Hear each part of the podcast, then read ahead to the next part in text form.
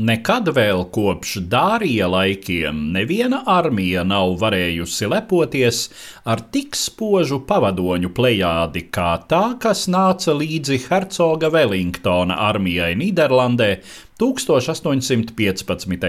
gadā un vadīja laiku vienās dejās un dzīrēs līdz pat kaujas lauka malai. Balle, kuru kāda augstdzimusi hercogiene minētā gada 15. jūnijā sarīkoja Briselē, kļuvusi par vēsturisku notikumu. Tā savā romānā Liekulības tirgus raksta izcilais 19. gadsimta angļu realists Viljams Meikpīs Tekerijs. Savukārt 20. gadsimta angļu vēsturniece Elizabete Longforda sauc šo notikumu par slavenāko balli pasaules vēsturē un hercoga Wellingtona psiholoģiskā kara kulmināciju. Runa ir par viesībām, kuras 1815. gada 15. jūnijā sarīkoja Ričmondas hercogiene Šarlote Lenoksa, Briselē izvietotā britu garnizona komandiera hercoga Čārlza Lenoksa. Noksas sieva.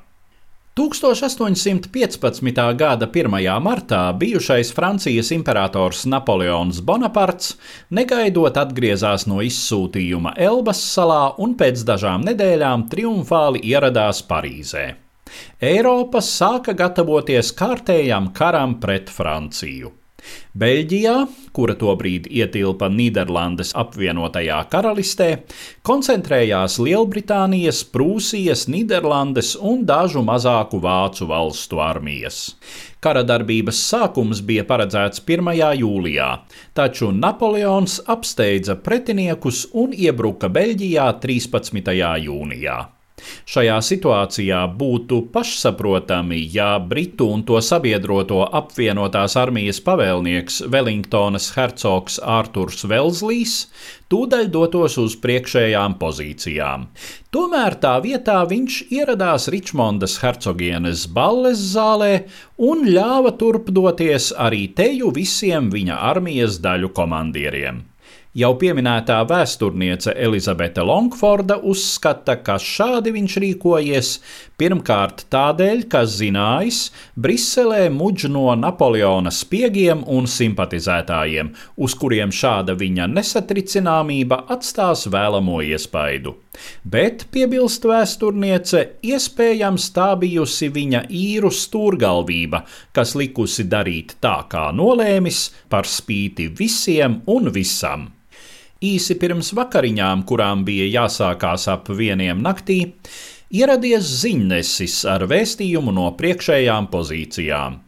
Wellingtons aploksni sākotnēji iebāzis kabatā un atvēris tikai pēc pārdesmit minūtēm.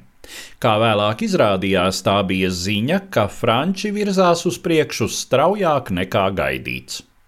Hercogs ieteicis savam vietniekam, Orānijas princim un vēlākajam Nīderlandes karalim Villemam, nekavējoties doties uz armijas komandu punktu un labi izgulēties, bet pats mierīgi devies vakariņās. Princis Vilems aizgājis, taču pēc brīža bijis atpakaļ un vairākas minūtes čukstus apspriedies ar Wellingtonu. Arī pēc šīs sarunas pavēlnieks vēl brīdi turpinājis saviesīgu tērzēšanu pie galda, pēc tam paziņojis, ka arī viņam laikam laiks pie miera. Tomēr piecēlies viņš čukstus vērsies pie namatēva Ričmondas hercoga. Vai jums ir laba karte? Kad abi aiz kabineta durvīm noliekušies pār karti, Wellingtons bildis. Napoleons mani ir apspēlējis. Viņš ir ieguvis liekas 24 pārgājiena stundas. Es pavēlēju armijai koncentrēties pie Katarbrā, bet tur mēs viņu vairs neapturēsim. Un ja tā, tad mums ar viņu jācīnās šeit. Un Wellingtons dūris ar pirkstu kartē pie Vaterlo ciema. Stāstīja Eduards Liniņš.